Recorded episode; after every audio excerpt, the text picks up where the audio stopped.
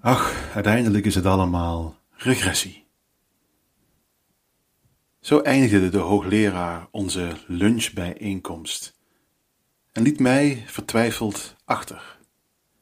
Uiteindelijk is het allemaal regressie, terwijl de meer senioren medewerkers al lachend achter heb je hem weer met de multomap onder de arm naar buiten liepen, vroeg ik mij af waarom we dan zoveel statistische toetsen hadden. De t-toets was toch iets anders dan correlatie uitrekenen, was toch iets anders dan ANOVA. Maar uiteindelijk was het allemaal regressie. Misschien vraag je je af wat een multomap is. Zoek dat maar even op voor wie het echt wil weten. Ik wil het vandaag hebben over regressieanalyse en meer specifiek lineaire regressie. De opmerking dat het uiteindelijk allemaal regressie is, is eigenlijk wel waar. Heel veel in de basale statistiek is uiteindelijk diep van binnen een vorm van regressieanalyse. Regressieanalyse is onmiskenbaar het werkpaard van de toetsende statistiek. Een vervelende eigenschap van regressie is dat nog meer dan bij andere statistische onderwerpen er een enorme spraakverwarring is. Er is enkelvoudige regressie, er is meervoudige regressie, er is logistische regressie, er is Poisson-regressie voor de visliefhebbers en er zijn nog heel veel andere vormen van regressie. Vandaag gaan we kijken naar de, tussen aanhalingstekens, standaardvorm van regressie, namelijk lineaire regressie. Irritant genoeg wordt dat heel vaak gewoon multiple of meervoudige regressie genoemd. Dan vergeet de mens het lineair erbij te zeggen. Omdat regressie zo bazaal is en zo diep in het hart van veel statistische toetsen zit, ga ik er minstens twee afleveringen aan besteden. Dus stap in, dan gaan we samen ontdekken dat het uiteindelijk allemaal regressie is. Welkom bij Audiostatistiek, de podcast over statistiek zonder plaatjes.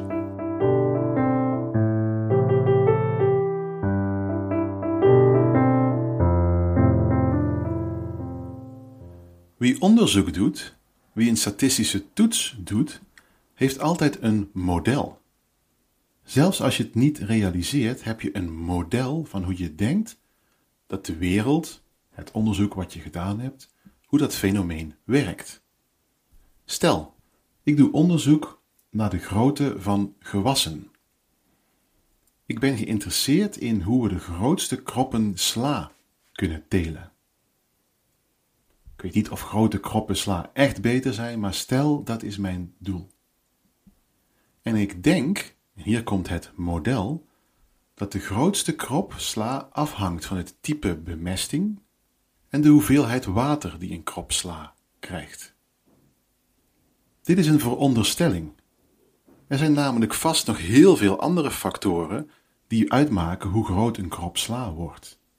Maar mijn model, mijn versimpeling van de wereld, is dat ik ga focussen op de factoren bemesting, twee soorten bemesting test ik uit, en hoeveel water de kroppen sla krijgen. Dat kan weinig zijn, medium hoeveelheid of veel water. Regressie gebruikt altijd zo'n model. Bij regressie hebben we de data die we gemeten hebben.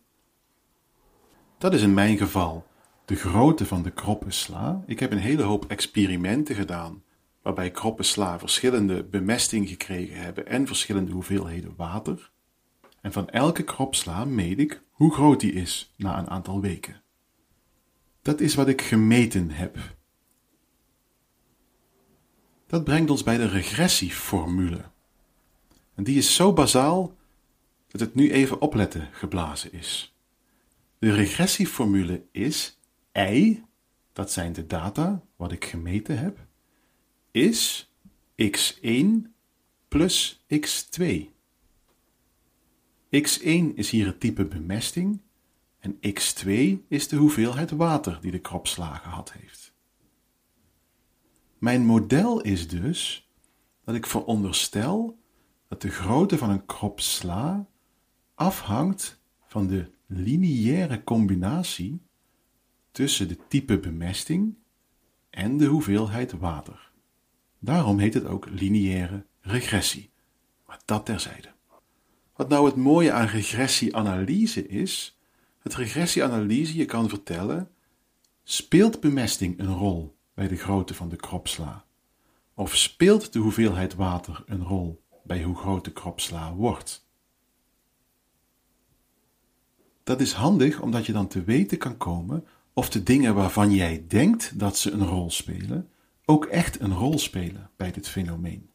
Dat maakt lineaire regressie tot een super flexibel en heel erg veel gebruikt gereedschap in de statistiek. Voordat we hier verder over gaan praten, even nog wat jargon aan de kant krijgen. De x1 en x2, de dingen waarvan ik denk dat ze een rol spelen, waren in mijn geval het type bemesting en de hoeveelheid water die de kroppensla gekregen hebben. Die noemen we predictoren. Ze worden ook wel eens regressoren genoemd. Daarmee bedoelen mensen hetzelfde. Een predictor is iets waarvan je verwacht dat het de data, de ei, kan voorspellen. Als we nu eens verder inzoomen op de data, dan kunnen we dat zien als een lange kolom met cijfers, namelijk de grootte van elke afzonderlijke krop sla. Per meting van de krop sla weet ik ook of die krop sla type bemesting A had of type bemesting B. En ik weet ook of die krop sla veel, medium of weinig water heeft gekregen. Zo heeft elke grootte van een kropsla een combinatie van welke bemesting die kropsla gehad heeft en hoeveel water die kropsla gehad heeft. Regressieanalyse kan vervolgens vertellen welke van de in dit geval twee predictoren echt verband hield met de grootte van de kropsla. Hoeveel zo'n predictor een rol speelt, wordt uitgedrukt met de beta voor die predictor. Dus bemesting, het type van de bemesting, zal na de regressieanalyse een beta, een gewicht, toegewezen krijgen. Hoe hoger dat gewicht is, hoe sterker de invloed van bemesting op de grootte van de kropsla. We krijgen ook zo'n beta voor de hoeveelheid water, onze tweede predictor. Wat mooi is dat elke beta ook een p-waarde meekrijgt. Die krijg je er gratis bij. De p-waarde vertelt je of de invloed van die predictor of die statistisch significant is, of die statistisch gezien afwijkt van 0, want 0 is namelijk geen invloed. Als de beta 0 is, dan zou de predictor 0 gewicht hebben bij het verklaren van de grootte van de kroppensla.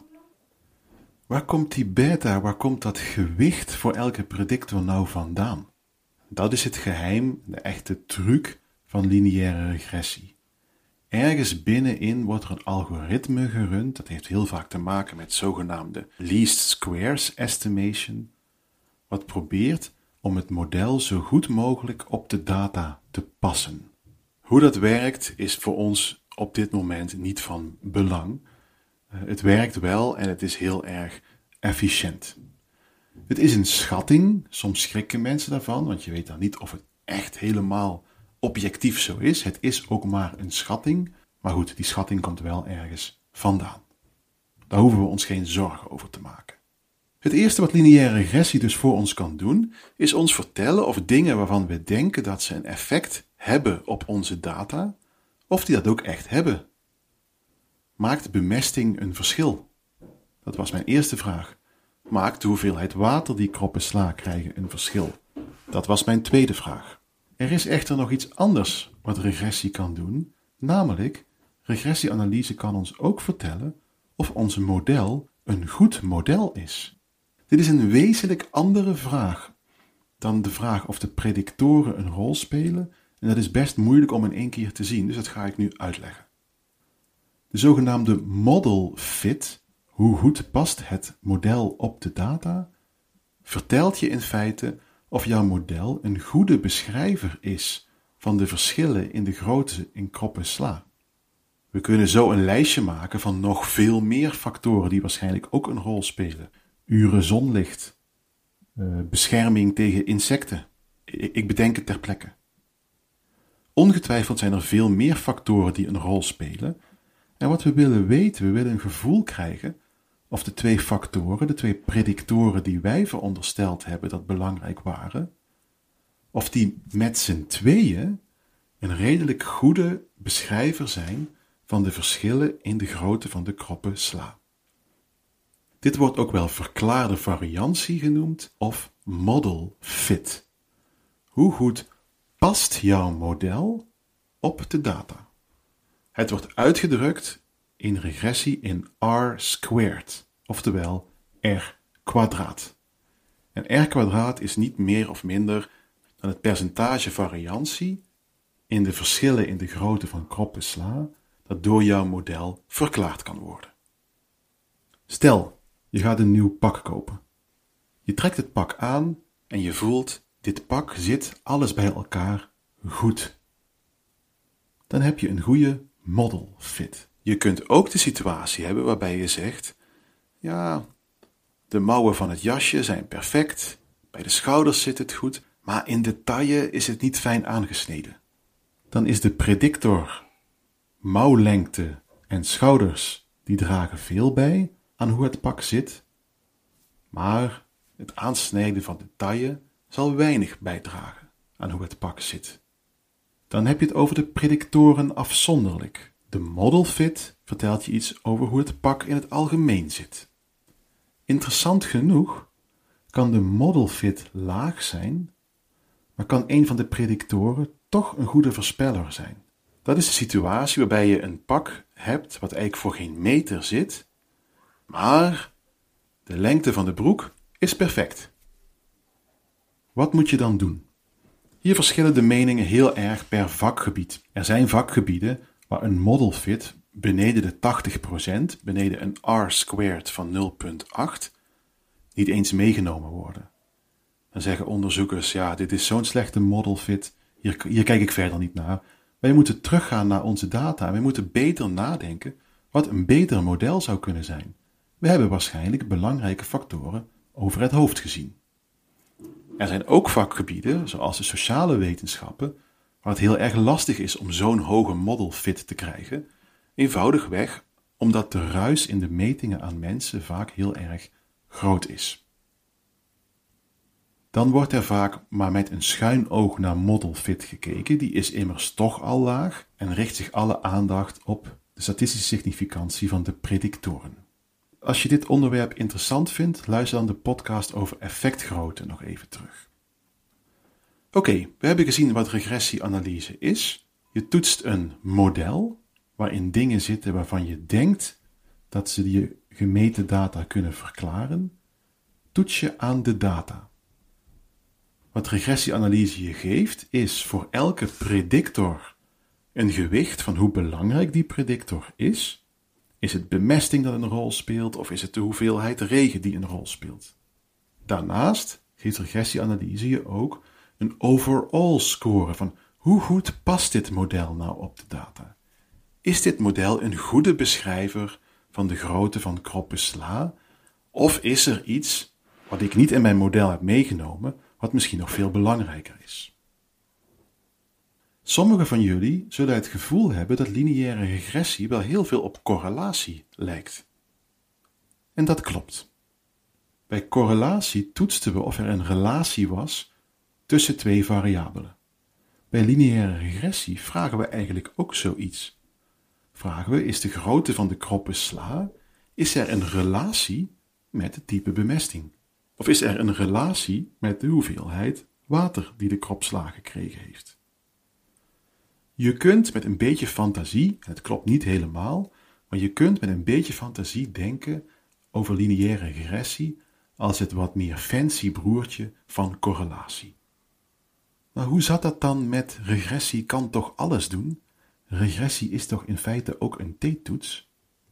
Ik ga het als cliffhanger bij jullie achterlaten, maar ik zal alvast een tipje van de sluier oplichten. Stel, de enige regressor in mijn onderzoek was het type bemesting geweest. En ik had twee soorten bemesting gebruikt: bemesting A en bemesting B. Dan is de vraag stellen: kan de predictor bemesting verschillen in grote kroppen sla verklaren eigenlijk hetzelfde als vragen: doe ik een t-toets met tussen alle kroppen sla die bemesting A hebben gehad, versus alle kroppen sla die bemesting B hebben gehad. De predictor in dit geval is twee groepen. Die is binair. Die is A of B. Dat doen we bij de t-toets ook. We hebben ook predictoren die continu zijn. Bijvoorbeeld, ik had ook kunnen onderzoeken hoeveel bemesting leidt tot de grootste kropsla. Dan had ik in milligram uitgedrukt hoeveel bemesting elke kropsla had gehad.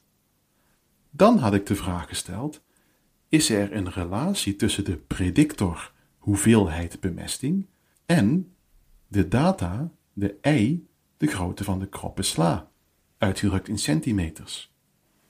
Dat zijn twee continue variabelen, en als ik dat gedaan zou hebben, was lineaire regressie precies hetzelfde als correlatie. Voor wie dit nog niet daagt, geen probleem, we komen er volgende keer op terug. Dan ga ik onder andere ook in op de aannames die lineaire regressie doet. Dat zijn er best wel wat. En de eventuele problemen die ermee kunnen ontstaan. Voor vandaag hebben we nog geen problemen. Die bewaren we tot de volgende keer.